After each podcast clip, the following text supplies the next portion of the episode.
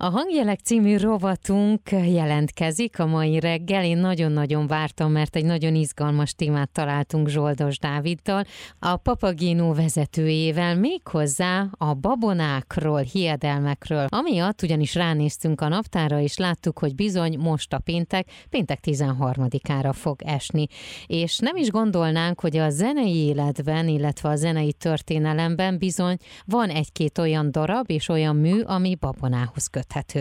Én azt gondolom, hogy a zenész alapvetően nem sokkal babonásabb, mint a, az átlagember, de az is igaz, hogy azok, akik rendszeresen lépnek pódiumra, azok azért sokszor kötődnek néhány, úgymond olyan, ahogy mondjam, babonás előkészülethez. Én elég sok olyan muzsikus kollégát ismerek, akiknek van egy-egy sajátságos rituálé a koncert előtt, vagy az, hogy mit csinál, vagy éppen mit nem csinál, melyik lábára húzza felesleg az oknit öltözködéskor. Tehát ez nyilván mindenkinek a sajátja, tehát erről nem nagyon van dokumentáció, viszont ha a zenetörténet babonáiról beszélünk, igazából nekem egyetlen egy ilyen jutott eszembe, ami viszont nagyon izgalmas, érdekes, ez pedig a 9. szimfóniához köthető. Azt nagyon sokan tudják, hogy Beethoven 9 szimfóniát írt, de azt már sokkal kevesebben, hogy nem ő volt az egyetlen, hanem Schubert, Bruckner, Dvorak és Mahler is 9 szimfóniáig jutott, és közülük már voltak is, akik úgy élték meg, hogy tulajdonképpen ez a 9. szimfonia ez egy átok, hogy utána a tizediket már nem sikerült megírni. Ugye Beethovenről annyit tudunk, hogy ő elkezdte a tizedik szimfóniáját, ebből semmi nem maradt meg, ugye nem tudta megírni. Schubert, aki ugye egy évvel később halt meg, mint Beethoven. Sokáig azt hitték a 9. szimfóniáról, hogy az a nagy C-dú szimfónia, a 9. szimfónia, ez lett volna egyébként már a tizedik, de hát tulajdonképpen ez nem lett kész, tehát ez egy, volt van egy befejezetlen szimfónia, azt nagyon jól ismerjük. Dvorzsáknak a szimfóniáját, ugye az utolsó szimfónia nagyon népszerű új világ szimfónia, amit ma 9-én sorszámozunk, annak idején egyébként ez csak az ötödik volt, mert nem tudtak róla, hogy írt még négy szimfóniát, tehát utólag derült ki, hogy hoppá, hát Dvorzsák is csak kilencig jutott, és Bruckner viszont kifejezetten babonás volt, tartott attól, hogy a 9. szimfónia lesz az utolsó. Már csak azért is, hiszen ez ugyanúgy démon szimfónia volt, mint Beethovennek a démon szimfóniája, ugye az utolsó a 9. szimfónia, és Bruckner nem is tudta ezt befejezni, torzóban maradt, többen próbálkoztak a befejezésével, általában a Bruckner szokták utána játszani, hogy akkor már teljesen a történet, akkor ne felejtkezünk el már erről, aki tényleg hitt ebben a babonában, befejezte a nyolcadik szimfóniáját, utána súlyos tragédiák érték, meghalt a kislánya, le kellett mondani a Bécsi opera vezetéséről. Először bemutatták a nyolcadik szimfóniát, és aztán kilencedik is elkészült, és amikor 11-ben meghalt, a tizedik szimfóniának megmaradtak a vázlatai, és hát nyilván a tizedik szimfóniát nem írta meg, mert meghalt. A kilencedik szimfónia bemutatóját pedig ő sem írta meg.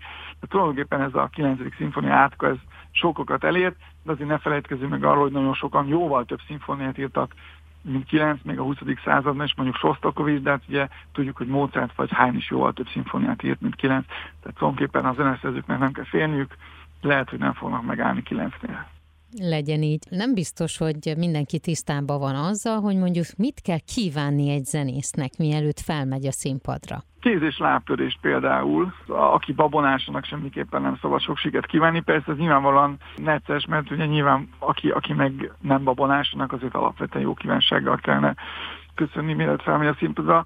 Azt gondolom, hogy az előadómésztek jelentős része azért nem ezekre a praktikákra és babonákra köti a koncert sikerességét, és ne felejtsük el azt sem, hogy még egy átlagembernek nagyon komoly kihívás és izgalom felállni a pódiumra. Természetesen van a zenészek között is, aki szinte soha nem vetkőzi lesz teljesen, de azért a muzsikusok legnagyobb része nagyon rendszeresen áll pódiumra, és ezért attól nem tudunk félni, amit mondjuk egy héten négyszer, ötször ö, megteszünk. Én például nagyon nem jól emlékszem arra, hogy mikor elkezdtem rádiózni, akkor nagyon a torkomban dobogott a szívem, de néhány hét alatt ez elmúlt, tehát szerintem a lámpaláznak talán ez a legjobb orvossága.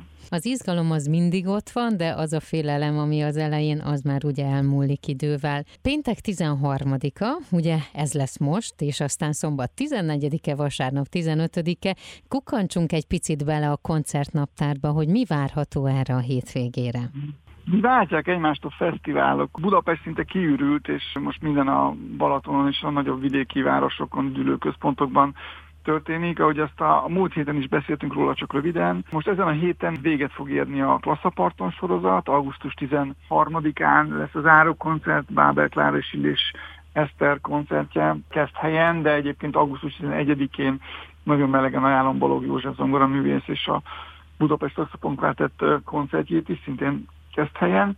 És hát ezzel egy időben három komoly rendezvény is elindul augusztus 13-án.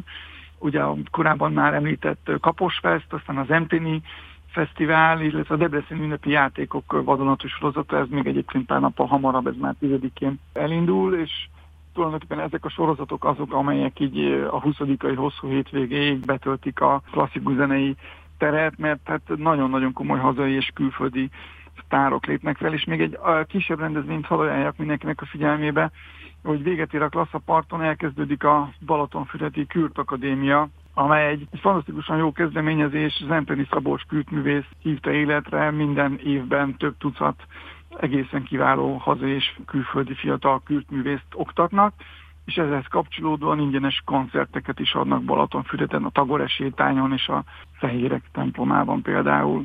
Rengeteg jó koncert lesz tehát hallható, illetve látható is akkor a Balaton partján, és aztán szépen lassan, ahogy elmúlik a nyár, vagy véget ér ez a nagyon-nagyon jó idő, szerintem visszatérünk majd Budapestre, és a következő alkalommal ezekről is szót fogunk ejteni. Erre a hétre pedig nagyon-nagyon szépen köszönöm Zsoldos Dávidnak, hogy ismét beavatott minket egy-két olyan dologba, amiről nem biztos, hogy tudtunk, de most már tudunk, illetve, hogy milyen koncertekre érdemes ellátni látogatnunk. Nagyon szépen köszönöm. Én köszönöm, minden jót.